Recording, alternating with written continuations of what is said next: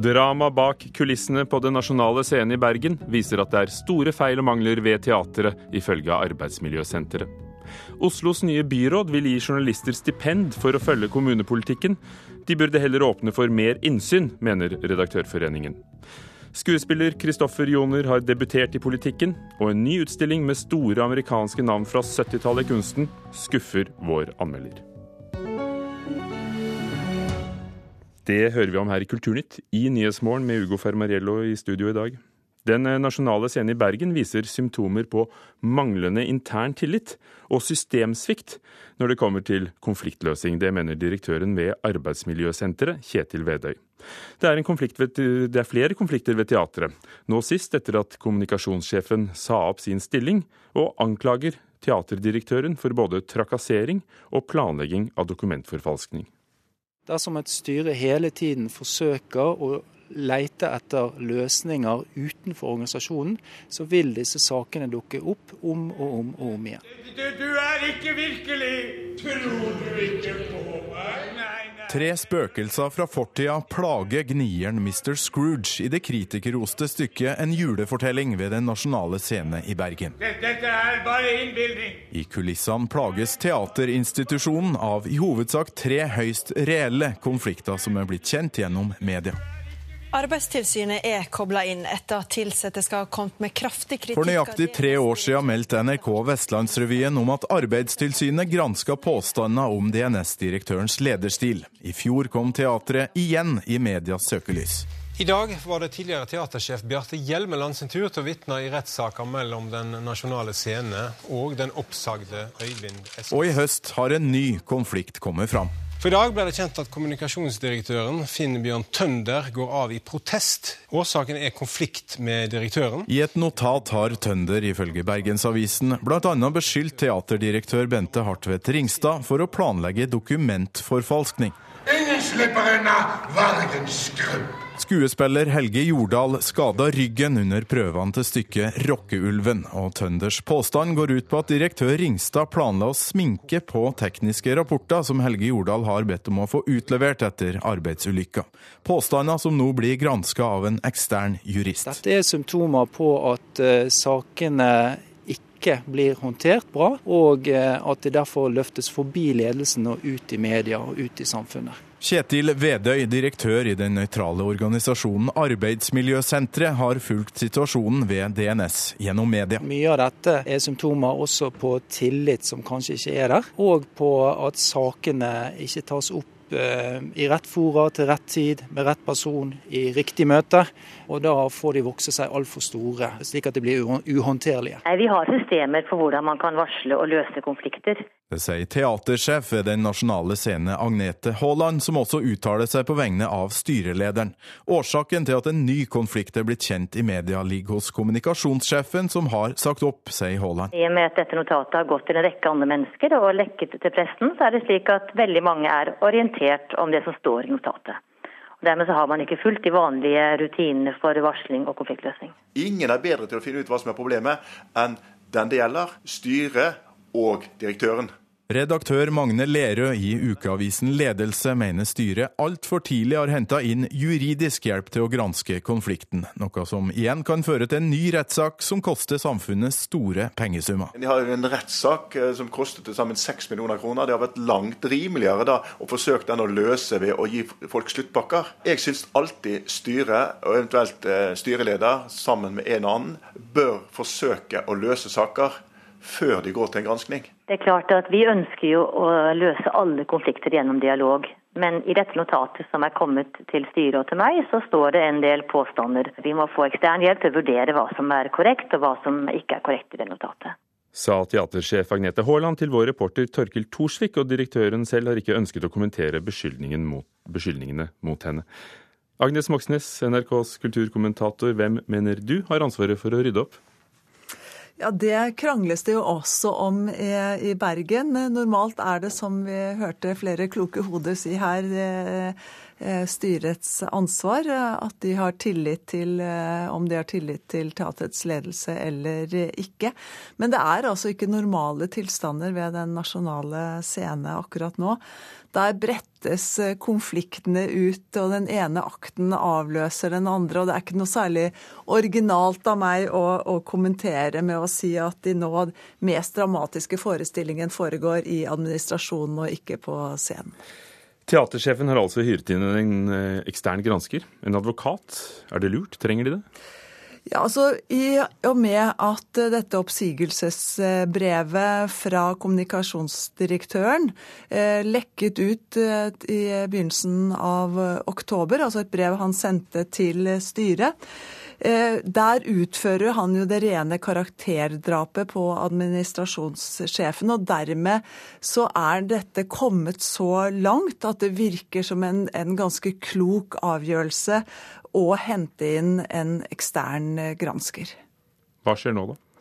Ja, I morgen er det altså styremøte, og som vi hørte Agnete Haaland si her, eh, teatersjefen, så er det viktigste å gå gjennom det brevet og finne ut hva er det som stemmer, og hva stemmer ikke. Altså skille snørr fra barter. Det er de i gang med allerede også, med denne granskeren. Og så, eh, men så er det jo sånn da, at dette i og med at altså, styret Det har vært så mye uro ved teatret at styret på et mye tidligere tidspunkt selvfølgelig burde gått inn og snakket med folk og funnet ut hva det er som skjer, og funnet ut hvor skoen trykker. Men er det sikkert, som eh, Magne Lerøe, som eh, ofte uttaler seg om ledelse, sa, at dette nå ender i rettsvesenet og blir en dyr affære? Nei, altså Ifølge advokat Toril Vik, som er hyret inn som gransker i, i denne saken, hun har jo kunnskap og erfaring bl.a. fra politisaken i Eller den saken, Monica-saken i Bergen, hvor hun representerte flere av varslerne. Så bør dette kunne løses før det blir advokatmat og, og enda, enda dyrere. Merker publikum dette? Altså, eh, Bergensavisen, altså BA, spurte bergenspublikummet i, i går, og de sier at ja, de følger jo med, eh, men det viktigste for dem er selvfølgelig at det lages gode forestillinger som de, de liker å gå på. Men det sier seg jo selv at dette er en enorm belastning både for teatret og for de som jobber der. Takk skal du ha, Agnes Moxnes. Kommunistpartiet i Kina har eh, lansert en bok med en liste over hva som er gode forbilder for kommunistisk kunst. Og på denne listen står det også en del kjente vestlige kunstnere, herunder Richard Wagner, Leo Tolstoy, Jean-Paul Sartre og Ernest Hemingway.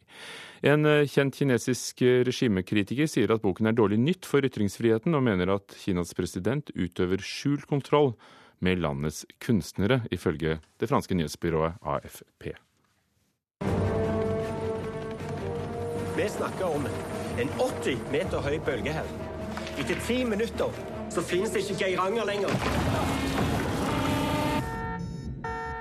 Slik kjenner vi Kristoffer Joner, skuespiller i mange filmer, andre 'Bølgen'. Akkurat i den rollen var han hardtarbeidende, og det så ut som han hadde en voldsom kapasitet, og det kan han også ha bruk for nå i politikken. Nå er han eh, nemlig blitt bystyrerepresentant for Arbeiderpartiet i Stavanger. I går møtte han på sitt aller første møte. Nei, jeg syns det var spennende. Det, altså, det, er jo mye nytt.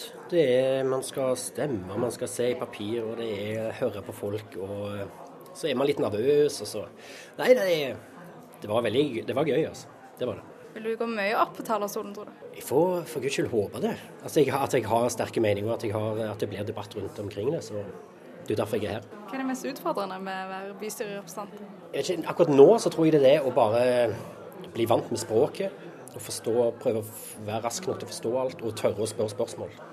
At jeg ikke bare blir sittende og nikke, men at jeg eh, tør å ja, spørre om når jeg ikke, hvis det er ting som er uklare og sånne ting. ja. Kristoffer Joner, politiker, til reporter Kjersti Hetland. Klokken er eh, snart 13 minutter over åtte. Du hører på Nyhetsmorgen i NRK. Hovedsaken i dag legenes forklaring er endret i en granskingsrapport som frikjente norske myndigheter etter en dykkerulykke. Fire av fem eldre tar ikke influensavaksine, til tross for Folkehelseinstituttets anbefalinger. Flere næringer arbeider for å få unntak fra byråd fra byrådets erklæring om et bilfritt sentrum i hovedstaden. Og senere i Kulturnytt skal vi høre om hvordan digitale verktøy gjør museenes utstillinger bedre og mer innholdsrike. Apropos byråd og hovedstaden. Arbeiderpartiet, Sosialistisk Venstreparti og Miljøpartiet De Grønne, som nå overtar byrådet i Oslo, vil ha mer åpenhet og større lokaldemokrati, sier de. I valgkampen etterlyste påtroppende byrådsleder Raymond Johansen bedre mediedekning av kommunepolitikken. Det nye byrådet vil løse problemet selv og utlyse stipender til journalister og bloggere som vil skrive om hva som skjer i bystyret og i bydelene. Vi er opptatt av å, som en del av vår oppgave, å få eh, økt offentlig interesse for det som foregår i Oslo. Eh, det er et stort demokratisk problem at eh, befolkningen har lite kunnskap om, om det som foregår, så det kan være ett av flere, flere virkemidler. Den nye byrådslederen Raimond Johansen var i valgkampen bekymret for at lokalpolitikken i Oslo får altfor lite omtale. Han mener en endring i mediebransjen med bl.a. nedleggelse av 15 lokalaviser i hovedstaden må ta mye av skylden. Mangelen på oppmerksomhet vil det nye byrådet løse med å selv betale de som ønsker å skrive om kommunepolitikken. Mye av det som foregår i eh, Oslo har helt konkret betydning for hverdagen til folk. Når mange i Oslo tror kanskje at deres hverdag er styrt av det som foregår på Stortinget, mens de vet at det som faktisk foregår i bydelen er avgjørende for uh, eldreomsorgen som deres kjære mottar. Så mener jeg det er relevant og viktig informasjon. Så mer fokus på Oslo-offentlighet, og det er et forsøk på det. En lignende stipendordning for journalister har vært brukt av Utenriksdepartementet og Norad i flere år. Raimond Johansen, som selv har vært statssekretær i UD, mener denne ordningen fungerer utmerket. Han avviser kategorisk at det vil følge betingelser for hva man kan skrive med stipendene. Selvfølgelig ikke. Det ville vært uh helt uh, uaktuelt å gjøre. og Jeg ville sett den journalisten som ville mottatt noen stipender på slike premisser. Det er egentlig bare et uh, morsomt forsøk for å forsøke å få enda mer fokus på de viktige oppgavene som Oslo kommune som sådan driver med. Før sommeren vedtok Stortinget, bl.a. med alle stemmene til Arbeiderpartiet, å begrense muligheten til innsyn i byrådenes arbeid i de byene som har dette. Presseorganisasjonene mener dette er en innskrenking av åpenheten i lokaldemokratiet. Raimond Johansen avviser at dette har noen betydning. Det vi har bedt om, er, eh, som Høyre, Arbeiderpartiet og andre er enige om, er at byrådsnotater, i likhet med regjeringsnotater, slik at det kan være en diskusjon mellom ulike byråder før beslutningen fattes, at det er i tråd med de beste demokratiske tradisjoner. Det vi er opptatt av, er at informasjon fra, ytter, fra etater inn til byrådet kan det være informasjon om. Og når byrådet avgir saker, som da igjen ligger til bystyret, så er selvsagt de offentlige. Konsekvensen av at hvis vi hadde ikke hatt de hemmelige, ville vært at det hadde gule postopplapper, og at vi hadde møttes på hemmelige steder for å avtale ting. Istedenfor er vi avhengig av å drøfte ting, vi som en hvilken som helst annen organisasjon og regjering. Slik taler den påtroppende byrådslederen i Oslo, Arbeiderpartiets Raimond Johansen. Arne Jensen, generalsekretær i Norsk redaktørforening. For å ta det første først, hva synes du om forslaget til et stipend for at journalister og bloggere skal skrive om kommunepolitikk? Det, har, det, er greit med gode intensjoner om å få mer journalistikk om Oslo kommune, men jeg mener oppriktig at dette er neppe veien å gå. Og uansett hva Raymond Johansen måtte mene, det er neppe slik at et, en stipendordning betalt av Oslo kommune og finansiert av Oslo kommune, er det som vil skape mest kritisk journalistikk om de samme politikerne som skal bevilge pengene. Er det annerledes enn at Fritt Ord gir stipend til kunstkritikk eller andre ja, former for journalistikk, eller Utenriksdepartementet for å dekke utenrikssaker? Nei, Det siste er jeg litt, mer, er litt mer usikker på, men Fritt Ord deler jo ikke ut penger for at man skal skrive om Fritt Ord. Det er, det, som er, det er som når Statoil skulle dele ut penger for at man skal skrive om Statoil. Eh, og vi skjønner at det skaper noen problemer. Eh, men så er det det å si at dersom Raymond Johansen og, og, byrådet virkelig ville oppfylle intensjonene sine om økt offentlighet, så kunne de begynne med å si følgende Vi skal ikke følge eh, den, eller bruke den muligheten som Stortinget ga oss da de endret lov om parlamentariske kommuner eh, før sommeren. En mulighet til å unnta ikke bare byrådsnotater, som Raymond Johansen sier, men hele saksforelegg og sakslister til de forberedende byrådsmøtene. Stopper deg litt, for der skulle vi jo gjerne hørt hva Oslo Arbeiderparti sier. De står ikke her fordi eh, de sier at de ikke hadde tid til å debattere eh, verken dette eller de planlagte mm. pressestipendene i dag. Men Raymond Johansen sa jo i intervjuet vi akkurat hørte at dette er i tråd med de beste demokratiske prinsipper, ellers må de drive med gule lapper og møtes på hemmelig sted. Nei, det er i tråd med de verste demokratiske prinsipper. fordi at Hvis politikerne vil ha åpenhet, så kan man ha åpenhet. Vil man gjemme seg, så klarer man å få det til på en eller annen måte. Nå er det slik at i Oslo kommune, og i Bergen kommune og Tromsø kommune så kan man altså gjennomføre, eh, forberede politiske saker, diskutere dem ferdig i et forberedende byråd og komme opp med en fiks ferdig eh, løsning en uke før de formelle vedtakene fattes, og uten at du i realiteten får noen debatt, uten at Oslos innbyggere får greie på det. Det er ikke i tråd med de beste demokratiske tradisjoner, og det burde man gjøre noe med. og Det er det første man burde gjøre noe med. Det Raymond Johansen sier, er at eh, dette er slik Stortinget og regjeringen fungerer? Jo, men det er noen grunnleggende forskjell på det. Eh, og så er det mellom, mellom det å være regjering på nasjonalt nivå og det å være byråd i en kommune Hva er egentlig forskjellen? Jo, det er helt andre typer saker og en del helt andre typer hensyn. Dessuten så er det jo spørsmålet hvis vi skal vil mer demokrati og mer åpenhet, skal vi styre etter de som driver mest med hemmelighold, eller skal vi styre etter de som driver mest med åpenhet? Eh, og dette er et politisk valg. Det er jo ikke noe, noe, eh, en, en, fasit som kommer seilende til byrådet ovenifra. Hvor det er vilje, er det vei. Eh, så hvis byrådet vil åpenhet, så kan man si vi skal ta de debattene i åpenhet. Og så er byråds, de forberedende byrådsmøtene de er lukket. Det har de vært i, helt siden parlamentarismen ble innført, og det kan de fortsatt være. Der kan politikerne diskutere, men saksforeleggene, dokumentene, sakslistene, det som danner grunnlaget for de politiske debattene, burde være åpne. Og tror du det hadde vært en forskjell med en annen politisk konstellasjon i byrådet der? Nei, det tror jeg ikke, fordi det var Høyre og, og Stian Berger Røsland var på, pådriver i forhold til å få dette gjennom. Høyre og Arbeiderpartiet sto sammen. Det er de to partiene som oftest har makt. Eh, og de vet å passe på at de ikke blir altfor forstyrret når de skal utøve den makten. Arne Jensen i Redaktørforeningen. Eh, Intensjonen er å få en bedre journalistisk dekning av kommunepolitikken. Kan det tenkes at det finnes kanskje nettopp blogger osv. som tross alt klarer å være uavhengig, selv om de mottar et stipend? Ser du ikke som byrådsleder at det er et problem at for få interesserer seg for den lille politikken? Jo, og dette er helt sikkert en felles interesse som vi alle har. Men, og Det er ikke noe kriminelt i å utlyse stipender til journalister og bloggere, det er helt i orden. Men poenget er at det virker litt pussig eh, når man samtidig holder på med andre grep som går i helt motsatt retning. Ville en av dine redaktører, medlemmer, eh, satt på trykk noe som kom ut av et stipend fra, fra Oslo-byrådet? Ja, Nå har vi 720 medlemmer. Jeg går ikke god for hva hver og en av dem ville finne på, men de ville i hvert fall vurdere det meget eh, nøye, tror jeg, hvis man eh, kom med en sak som var, eh, som var finansiert av Oslo kommune. Takk skal du ha, Arne Jensen, generalsekretær i Norsk redaktørforening. Og jeg nevner igjen at Oslo Arbeiderparti ble invitert til debatten, men sier de ikke hadde tid til å stille.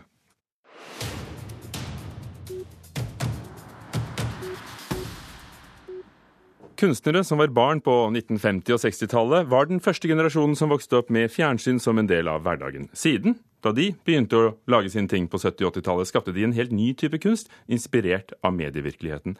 Det er nettopp disse kunstnerne Astrup Fearnley-museet i Oslo tar for seg i utstillingen Good Morning America. Og nå som kunsthøsten er over oss, kunstkritiker Mona Palle Bjerke, av alt som skjer, er det akkurat denne du har plukket ut til å snakke om. Hvorfor det? Jo, dette er for publikum veldig interessant, fordi det, den favner veldig innflytelsesrike kunstnere. Verdensstjerner som Cindy Sherman, Jeff Koons og Richard Prince. Altså kunstnere man bør kjenne til. Men for meg var denne utstillingen veldig interessant, eller jeg ble veldig, var veldig nysgjerrig på den. Rett og slett fordi jeg tenker at samlingsutstillingen, altså den utstillingen der du viser verk fra din egen samling For det er det det er? Ja. Bare ting fra, fra lager, holdt jeg ja. på å si? Ikke noe innlånt? Nemlig. Den, den, det er er en slags lakmustest for et museum. Hvordan klarer du å formidle, eh, vise, kaste nytt lys på samlingen? Så det, jeg gikk jo dit og var spent på om jeg kom til å få noen overraskelser og lære noe nytt. da. Jeg sa det først, at disse kunstnerne gjør da noe nytt. De første som har vokst opp og tar, eh, tar med TV-virkeligheten og uh, forbrukskulturen inn i kunsten. Hva er det de gjør? Ja, Det kalles for appropriasjonskunst. og dette vanskelige ordet, Det betyr altså kunst der man låner eller annekterer bilder, objekter. Men det kan også være ideer, klisjeer eller konvensjoner. F.eks.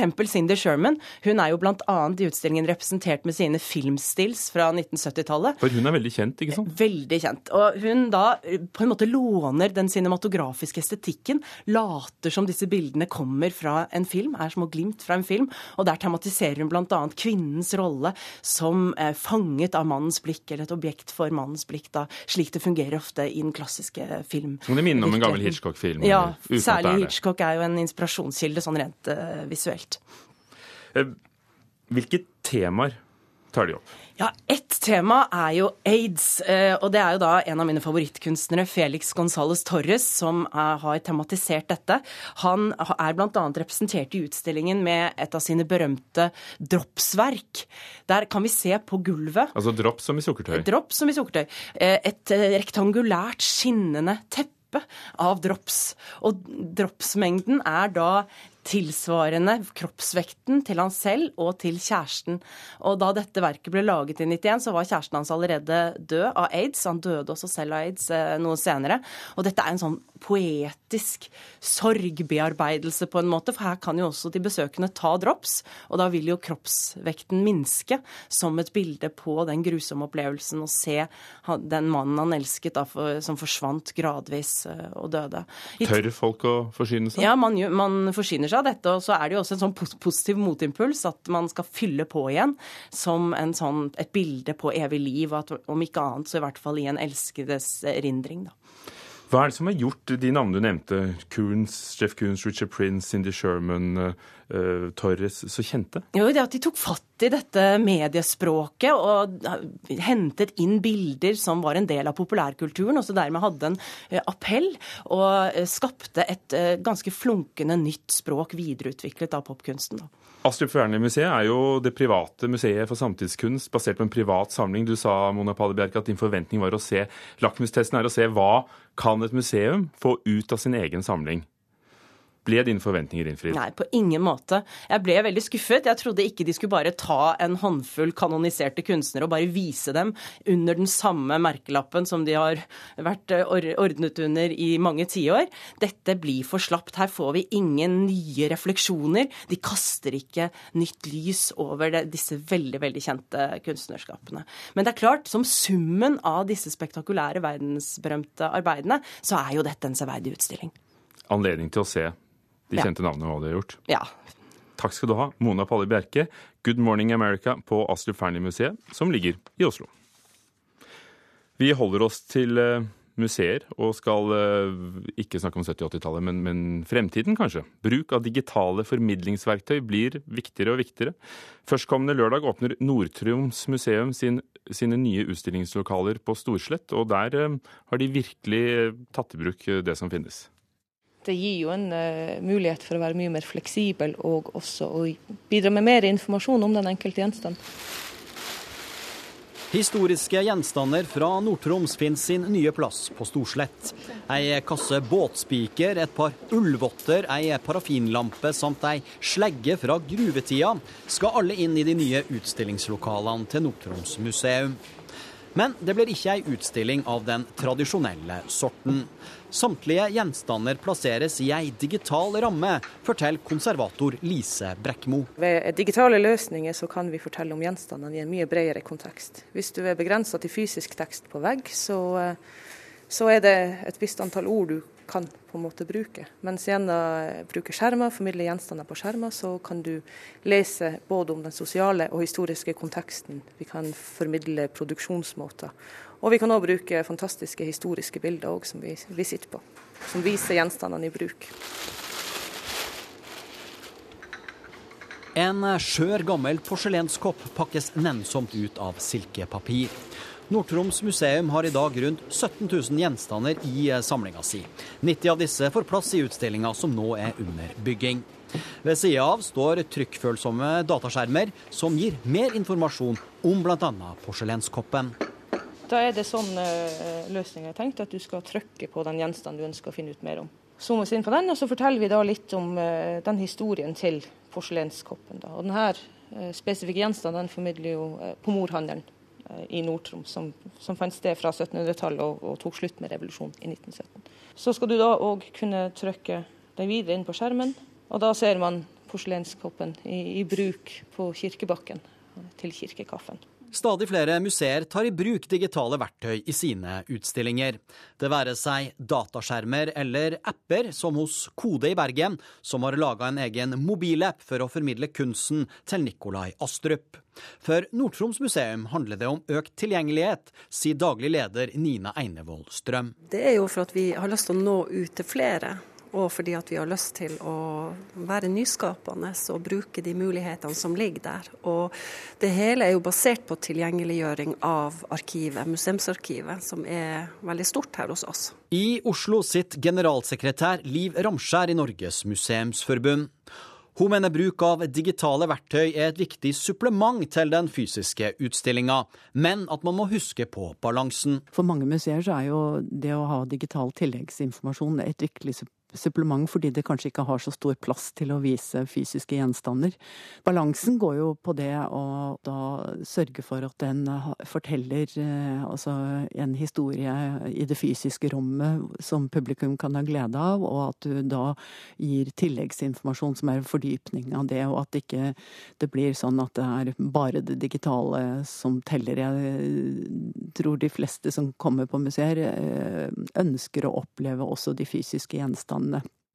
Sa generalsekretæren eh, i Norges museumsforbund Liv Ramskjær til vår reporter Rune Norgård Andreassen. I Kulturnytt i dag har vi hørt at eh, Den nasjonale scene i Bergen viser symptomer på manglende intern tillit og systemsvikt når det kommer til konfliktløsning. Det mener Arbeidsmiljøsenteret. Det er eh, flere konflikter ved teatret, og nå har teatret hyret inn en ekstern gransker. Det mente NRKs kulturkommentator Agnes Moxnes var en god idé for å kaste lys over hva som foregår. Så viser samtidig en undersøkelse uhøytidelig avisen BA har gjort på gaten, at folk ikke bryr seg nevneverdig i forhold til hva som skjer bak kulissene. Og det nye byrådet i Oslo vil gi journalister og bloggere stipend for å følge kommunepolitikken. Åpne heller opp for innsyn i papirene, sier Redaktørforeningen. Kulturnytt i dag var ved um, produsent Thomas Alversten Ove. Du hører på Nyhetsmorgen i NRK. Straks Dagsnytt.